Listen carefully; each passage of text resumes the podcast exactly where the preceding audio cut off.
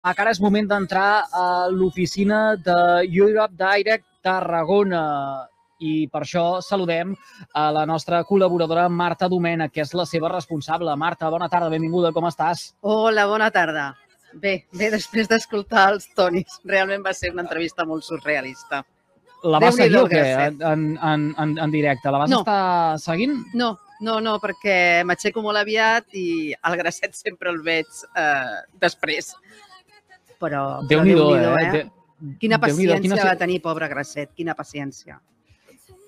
Tu, tu n'has fet mai el, eh, com, com a professional també de l'àmbit de la comunicació i com a, eh, vaja, eh, radiofonista que has estat durant molts anys, eh, n- n'has tingut de- d'episodis? Un Sí? cop, un cop amb un cantant de llengua catalana, no diré qui, molt conegut i en què moment molt estimat, ara ja, ja no ho sé, que va fer l'entrevista des del vàter i jo ho sabia i al final no me'n vaig poder estar i li vaig dir. Sí o què? Sí. Però i com, com, com, com ho vas saber? Com ho vas notar, això? Va pels sorolls i per, perquè quedava com una, com una cova.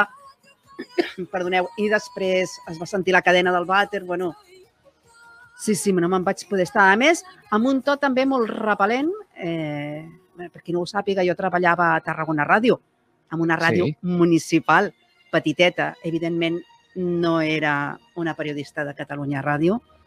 Eh, però, bueno, crec que em mereixia un respecte en aquell moment. Parlo de fa Vaja, molts jo- anys, eh? Però, mm, al final, jo, jo això de, de ràdios grans i ràdios petites, no, vull dir, som, som ràdios i totes tenim I ja una, està. una, una missió, vull dir, no... I ells el que Això volen és germà. vendre, no? Per això venen també, perquè Sí, volen vendre sí, el seu sí. producte, el seu llibre, volen parlar del seu llibre del seu disc. Doncs una miqueta de respecte cap als professionals. I li vaig dir, Ai, no, no sé, ara, ara m'ha vingut al cap Albert Pla, que eh, és qui No, veig que capaç va. de... Que... va, què va? No, no, no, no. No crec que ho hagués fet mai, això, l'Albert Pla. Ho dubto. Res, uh, tirarem, de, tirarem de fonoteca, a veure si som capaços de recuperar Sí, igual està guardat, igual, entrevista igual els de- companys de encara ho tenen. Sí, podria ser. Tenen moltes coses guardades, per tant, també podria ser aquesta.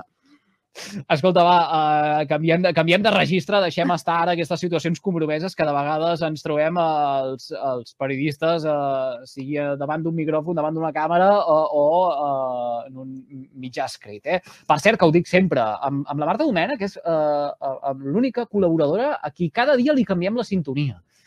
Sí. Vam començar el primer, que vam començar així el primer dia i, i així hem continuat. Avui amb Tatu, eh, que és el, el tema uh, guanyador d'Eurovisió eh, tot just ara fa tres setmanes, em penso.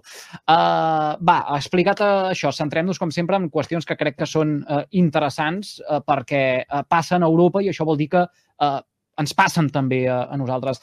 Avui parlem, precisament en aquest context de sequera en què ens trobem uh, ara mateix, d'incendis o uh, d'extinció d'incendis, perquè la Unió Europea ha fet una passa per uh, treballar de cara a aquest estiu en tot el que pugui succeir a, a, a la Unió.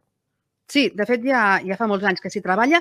Jo he tingut la sort de poder visitar el lloc des d'on es controla tot eh, el tema de protecció civil a la Unió Europea, unes instal·lacions on no tothom hi pot entrar i bueno, unes, unes pantalles enormes amb una resolució brutal, on veus imatges per satèl·lit, on, quan, per exemple, són les imatges de, que hem pogut veure del Copèrnicus, quan hi van haver, per exemple, la, el, el, el tema del volcà de la Palma, o quan Sí. hi van haver les riuades al delta de l'Ebre, que també es veien perfectament quin és el mal que havia fet l'aigua. Doncs ja fa anys que es treballa eh, des de la Unió Europea eh, amb una lluita contra els incendis i amb la mateixa base amb què es fa qualsevol altre tipus de, de política a la Unió Europea, en base a la solidaritat, en ajudar-nos uns estats amb els altres. En aquest sentit, la Unió Europea té, té alguns, pròpiament, té, té alguns recursos, però són molt poquets. El que fa és gestionar i coordinar els recursos dels altres estats membres i Eh, ajudar eh, és a a, dir- que els estats puguin mantenir aquests recursos. Per exemple, parlem de- d'un hidroavió o d'un helicòpter. Aquí, aquí, aquí anava. Sí, és a dir, no, no, no, no hem d'entendre que la, eh, la Unió Europea ha, algun, ha, sí. comp ha comprat un helicòpter. No, si- simplement és quan hi ha un incendi, no ho sé, a Eslovàquia, que un helicòpter de la República Txeca pugui, Pugui mm, anar. anar a l'ajudar. Sí, de fet, eh, sí que s'han comprat eh, noves naus en guany, un total de, de 24 avions i 4 helicòpters, però que no estan a Brussel·les. O sigui, aquests s'han repartit en els llocs on hi ha més expectatives de que hi pugui haver problemes, perquè també la resposta sigui molt més ràpida. Però l'important d'això no és que Espanya, per exemple, té dos mitjans d'extinció d'incendis nous, sinó que eh, els que hi ha a França, en qualsevol moment, es poden traslladar a Espanya, es poden traslladar a Itàlia, es poden traslladar a Bulgària. L'any passat van fer molta feina a Alemanya. Alemanya va patir molt l'any passat els incendis. No dic que a Espanya no, o a Catalunya, però potser, malauradament, ja estem més acostumats i no és tan notícia hi ha incendis. Només hem d'esperar que no siguin els d'última generació.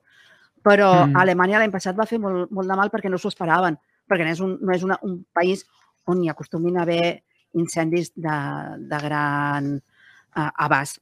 Per tant, uh, s'ha fet dins del programa Rescue 2023 un, una aportació important de nous mitjans, amb, ja us dic, 24 avions, 4 helicòpters, que s'han repartit entre Txèquia, Alemanya, França, eh, Croàcia, Espanya, també hi ha uns, uns avions lleugers a Itàlia, tot amb, amb, amb la idea de poder-ho tenir tot cobert en el mínim de temps eh, possible. Això es fa, això es fa cada any, uh, Marta? O realment Sí, estaríem ja- ja davant fa d'una mesura anys. excepcional do- do- do- donat que travessem ara doncs, un moment crític i, i, i tots patim pel que pugui comportar aquesta situació, a casa nostra de, de sequera, doncs, similar al que es viu també en d'altres uh, punts d'Europa. Sí, si no recordo malament, eh, en, en el, potser en el primer programa que vam fer aquesta temporada, jo vaig parlar del SOTEU, de la conferència que fa la presidenta de la Comissió per la, de la Unió Europea, Sí, sí, sí. Ursula von der Leyen, i precisament sí. aquest va ser un dels punts que va destacar. Aquesta compra de material per als diferents països de la Unió Europea i la creació, a més a més, d'un equip de suport en matèria d'incendis eh, forestals. Eh, a vegades els, els incendis no s'apaguen només in situ. S'han de pagar abans i fins i Sí, tot, sí. en el moment en què ja s'han generat, hi ha molta feina de despatx també. Per tant, aquest equip és molt important per tal de saber de quina manera poden evolucionar i de quina manera els mitjans que tenim poden anar ràpidament cap a una banda o, o cap a una altra de, del continent europeu, perquè és molt probable que de forma simultània hi hagin diversos incendis de caràcter molt important. Per tant, mm, aquesta coordinació és molt, mm. és molt important. Ella va parlar d'un pla d'acció d'incendis forestals que mm, a nivell de, de protecció civil ja existia, però exactament des d'enguany hi ha específicament aquest d'incendis forestals. Mira, ara m'has fet pensar en una cosa. Uh, Marta, deies, a Alemanya, per exemple, uh, no, no farien falta i, per tant, doncs, s'han distribuït en d'altres uh, llocs. Però, uh, uh, recuperant ara doncs, el, les paraules d'Ursula von der Leyen, uh, uh, entenc que el que s'intenta o es vol promoure, per exemple, és que en llocs on uh, no s'apliquin uh, mesures de gestió forestal, puguin començar-se a, a treballar o almenys eh, començar a incidir en, en, en tot això. És a dir, que no es parli únicament eh, de- d'aquesta gestió o d'aquesta flota d'extinció d'incendis ara a l'estiu, sinó que eh, al final sigui una tasca que es desenvolupi sempre. Sí, sí, sí. Els, els incendis moltes vegades es comencen a apagar a l'hivern. Si Això ho hem sentit a dir moltes Sí. vegades. No sé si coneixeu a Marc Castellnou, que és una de les persones que més coneix en quant a extinció d'incendis al, al nostre país i, i ell sempre ho diu, que els incendis s'apaguen durant l'hivern. Sí, precisament Ursula von der Leyen eh, en el Soteu ja parlava d'aquest pla d'acció de prevenció d'incendis que, per una banda, el que vol fer és eh, millorar la capacitat administrativa, després mi- millorar els coneixements, persones com el Marc Castellnou, que són superexperts a nivell mundial, que puguin anar aportant la seva expertesa per millorar cada vegada més els sistemes de- d'extinció i de gestió. I després, en tercer lloc, el tercer eh, objectiu, sens dubte, és augmentar inversions en la prevenció, en les mesures que s'han Mm. de prendre abans de que arribi l'època dels incendis grans. Mira, crec que va molt bé tot això que estem explicant ara per relacionar-ho amb els objectius de desenvolupament sostenible, amb aquesta agenda 2030 de les eh, Nacions eh, Unides, que és també una de les qüestions que avui volíem assenyalar en, en, en aquest espai. Crec que pot anar eh, molt ben relacionada una cosa, eh, una cosa amb, amb, amb l'altra. Eh, S'ha avançat en la consecució d'aquesta agenda 2030, Marta? Sí, s'ha avançat. Hi ha aspecte, en alguns aspectes molt més que en uns altres, en d'altres eh, es va per bon camí i d'altres s'ha de, de millorar. Així és com les notes que donaran d'aquí a, a uns dies a les escoles als mestres. Eh, s'ha avançat. Suposo que, que sempre podem dir que no s'ha avançat prou, perquè el que voldríem és que ja no existissin desigualtats i que no hi haguessin problemes. Això és una mica utòpic. Per tant, eh, qualsevol abans que es pugui fer és, és de destacar. Però l'informe que, que ha fet públic l'Eurostat mostra que es va per bon camí i sobretot destaca els bons resultats que ha tingut el Pacte Verd Europeu, un pacte del qual n'hem parlat moltes vegades aquí en aquest programa. Mm -hmm. Per exemple, la, la Unió Europea, eh, allí on, on ha crescut més, on ha avançat més, és eh, en garantir el treball decent, en el creixement econòmic, en garantir la igualtat entre homes i dones. Eh, S'ha arribat amb una tassa històrica de, de persones empleades, estem per sobre del 74% a la Unió Europea. Malauradament, això no ho podem dir aquí a casa nostra, però sí que la mitjana global de la Unió Europea és el màxim que s'havia aconseguit mai. S'ha avançat també molt cap a la fi de la pobresa, cap a la millora de la qualitat de gènere. Aquests dies s'està debatent en el Parlament Europeu una directiva que serà, sens dubte, molt important en aquest sentit. S'ha buscat de reduir cada cop les desigualtats, la garantia de que tothom pugui rebre una educació de qualitat. Vull dir, són molts punts en els quals s'ha avançat. N'hi ha d'altres en què, doncs, on, on, anem una miqueta on, més a poc a poc. Aquí volia, aquí volia anar, a veure, abans fes la comparativa no? amb les eh, eh, notes eh, que, que es donaran ara a final de, de curs. Eh, hem parlat d'allí on es progressa adequadament, on necessitem millorar? Mira, amb un punt en el qual jo, des de fa uns mesos, incideixo molt en les meves xerrades, tant a les escoles, instituts, com en altres àmbits de, de la nostra societat, que és en l'accés de consum de la nostra societat i en què produïm d'una forma responsable.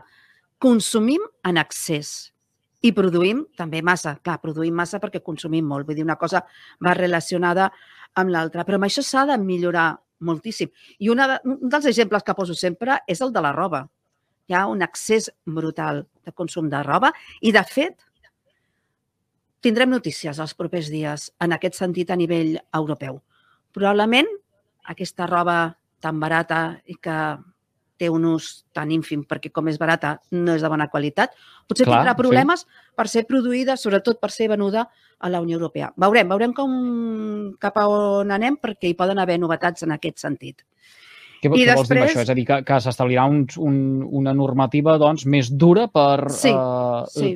importar o per fabricar o per comercialitzar sí, clar, aquests de, productes. S'ha de produir d'una forma responsable i també s'ha de consumir d'una forma responsable. Roba de, de temporada mm, l'hauríem d'eliminar de les nostre, dels nostres armaris. Hauríem de comprar roba que sigui de prou qualitat com perquè pugui ser utilitzada durant diferents eh, temporades. És la regla de les tres R's.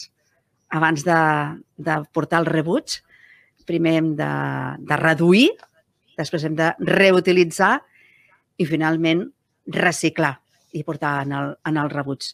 Doncs en aquest mm -hmm. sentit. I un altre, en els llocs, en els aspectes on hem de millorar moltíssim, també és en el tema de la, de, de la gana al món. Tampoc no, quan parlem dels objectius de desenvolupament sostenible, quan la Unió Europea parla dels objectius de desenvolupament sostenible, no pensa només en dins de les fronteres europees, sinó també què fem nosaltres per ajudar en que aquelles parts del món on, se, on tenen problemes eh, per exemple, per alimentar els més petits, aquelles imatges tan terribles que veiem, doncs com els podem ajudar. En aquest sentit també s'ha de s'ha de treballar molt més i en un altre camp en què tothom que m'escolti estarà molt d'acord amb mi, que és amb el tema de l'energia, en reduir els costos de, de l'energia. I què hem de fer? Produir nosaltres l'energia, no comprar-la fora de les fronteres europees. Ai, ai, ai, aquí, que si ens escolten ara els polítics, eh, ara que parlem tant també de les línies de molt alta tensió, una de les quals ha de travessar el nostre eh, territori, eh, els haurem d'estirar les, les orelles. Parlem prou eh, d'ODS, eh, Marta? O, o, i, I et faig la, la pregunta a la inversa. Parlem, o, o parlem massa eh, d'ODS? De vegades tinc la sensació que estem sobresaturant eh, l'oient amb tot el que té a veure amb la consecució d'aquesta agenda 2030 de les Nacions Unides. I, i quan s'atures tant, es deixa d'escoltar. Jo estic una mica d'acord amb tu. Jo en el moment en què van sortir em vaig plantejar moltes activitats, moltes accions, i ho vaig deixar estar, perquè era quan al començament ningú en parlava i els homes del temps de TV3 ja portaven aquell pin. El pin, sí, sí, sí. Jo, jo crec que se n'ha parlat massa i la gent encara no n'és conscient del que són els ODS. Tampoc no sé si ho ha de saber tothom. El que ha de saber, o sigui, el que la gent ha de veure són els avenços, els avenços que fem i cap a on anem i que es creen polítiques per millorar aquests objectius. Que es conegui a l'ODS 10 o l'ODS 20, no ho sé. Què vols que et digui? Potser tampoc no cal. Mm, es treballen molt a les escoles. Mm, jo crec que el que s'ha de treballar són els conceptes. Que es digui ODS o que es digui d'una altra manera, a mi personalment em sembla que, que és igual precisament per això que dius tu, no? Perquè és una cosa que com la gent no la, no la veu, al final, tant, tant de parlar-ne, doncs ja desconnecten. En canvi, si tu estàs treballant contínuament doncs, per millorar la productivitat de les nostres indústries, això sí que, que se'n poden adonar compte quan realment es fan passos endavant. Que formi part d'una ODS o no, jo no sé si al públic en general li interessa massa, sincerament. No sé. Jo evito, evito parlar dels ODS, no, no per res, eh? simplement perquè no, crec que no aporta res que al costat d'un títol d'una xerrada que jo faci posi ODS 15. No, no aporta res, això. És que tinc la sensació eh, que, que de vegades eh, hi ha com a certa angoixa de, de, a l'hora de pensar que ho estem fent tot malament perquè ens estem carregant el planeta i no vetllem per la consecució dels objectius i l'agenda 2030 i, i, i realment sí, ta, ta, eh, eh, eh, té tota la raó del món, això que dic, però, però potser tot tan, tan, tan malament no ho fem. Uh, bueno, aquest seria ja un altre està. tema. Això, som molt catastrofistes, uh, també. També en fem de coses uh, ben fetes. I això, Marta, aquest seria un altre que, tema. Eh? Un, un el de parlar que, de les ODS. Jo recordo, per exemple, les empreses que tota acció que feia, tota tenia a veure amb un ODS. Uf, és que la gent tampoc no sap el que és. La gent del carrer... Ara, ara tornaríem enrere, eh? però... Eh. Però clar, jo, la setmana passada he estat molt implicada amb les eleccions perquè, clar, vull dir, és la meva feina i, i jo pensava, no sé, em vaig a la Rambla i m'agradaria saber si de 100 persones que pregunto si sap quin dia són les eleccions, quantes me contestaran el dia correctament? I ja no dic quantes me contestaran els, els candidats dels principals partits. Penso que, Uf. que donem molta informació, ens pensem que tot arriba a tothom i, i no és així. Per tant, crec que a l'hora de donar la informació hem d'anar més a, a barraca. Crec, eh? no sé, és la meva opinió. No, no, i tant, i, i molt lícita. Eh, de moment, la secció dels ODS, és que aquest programa tenim una secció d'ODS cada dia. Uh, avui la mantindrem, per demà ja reflexionarem. No, no, s'ha de parlar, eh? S'ha de parlar, però so, jo crec que, que es pot parlar igualment sense contínuament estar parlant dels ODS, perquè m'agradaria saber si la gent en realitat sap el que són. I ja fa anys que n'estem parlant, eh? Uh, Perdona, de... si, si veus, jo, jo t'he parlat dels avenços que hi ha hagut, però no t'he dit en quin ODS corresponia, perquè crec que això no és l'important.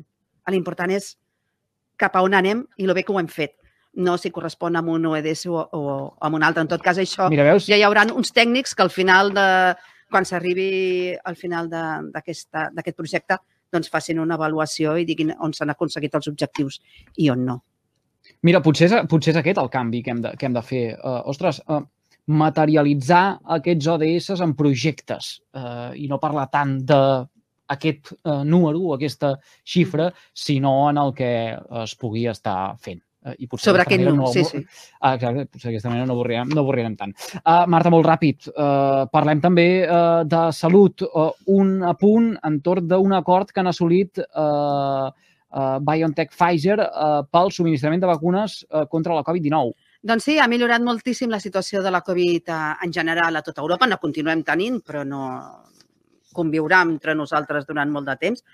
Per tant, els estats, a través de la Comissió Europea, han acordat que hi hagi una reducció de la quantitat de, de dosis que, que els estats necessiten, que es faci una ampliació del termini en què els estats puguin anar rebent les vacunes. Ja no cal que les rebem corrents d'aquí a 15 dies, sinó que es podran anar rebent Mm, de forma paulatina al llarg del temps, mm, la, que hi hagi la possibilitat també d'anar adquirint més dosis, que no s'acabi la producció ara que ja sembla que tot estigui estabilitat, sinó que se, sigui, se segueixi produint.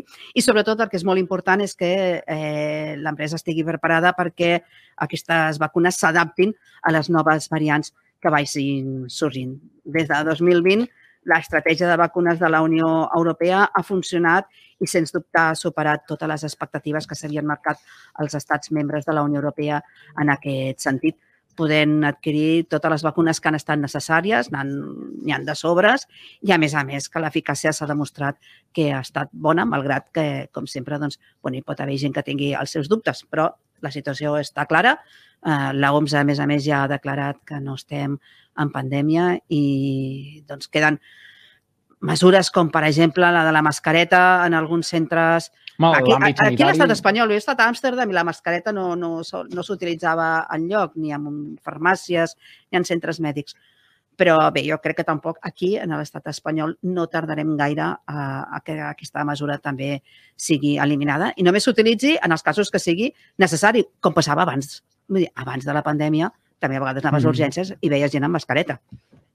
Mm. Jo em porto una, la motxilla perquè, eh, com no saps mai, si has d'anar a una farmàcia o has de sí. Mm, menys tindre-la a mà, ara mm. ja no n'hi ha a totes les butxaques, doncs això, una a la motxilla pel que uh, Jo havia d'anar a una farmàcia convenir. i no hi vaig per no tenir la, la mascareta a mà. Uh, en fi, uh, dèiem que ja l'incorporaríem, eh, que sortiríem de casa amb les qualaus, el mòbil i la mascareta, i això ja hem vist com de mica en mica ho hem anat deixant en, en, enrere. Uh -huh. en, en tot cas, uh, esperem que la Covid-19, malgrat les mascaretes les seguim utilitzant, puguem deixar-la ja uh, uh, enrere i no n'haguem de parlar tan sovint com encara en parlem. Bé, i que és una, és una malaltia que continuarà entre nosaltres i que les vacunes seran necessàries per a aquelles persones de risc, que treballin amb, envoltades de molta gent i que, o que tinguin problemes de salut afegits. Una mica com la vacuna de la grip que, que, que ja és cada any que es posa a la tardor, doncs la, la vacuna de la Covid penso que es convertirà en el mateix. Una vacuna Marta estacional. Domènech, gràcies per compartir una tarda més amb tots nosaltres. Ens retrobem d'aquí 15 dies. Moltes gràcies. Ens veiem. Que vagi molt bé. Adéu, bona tarda.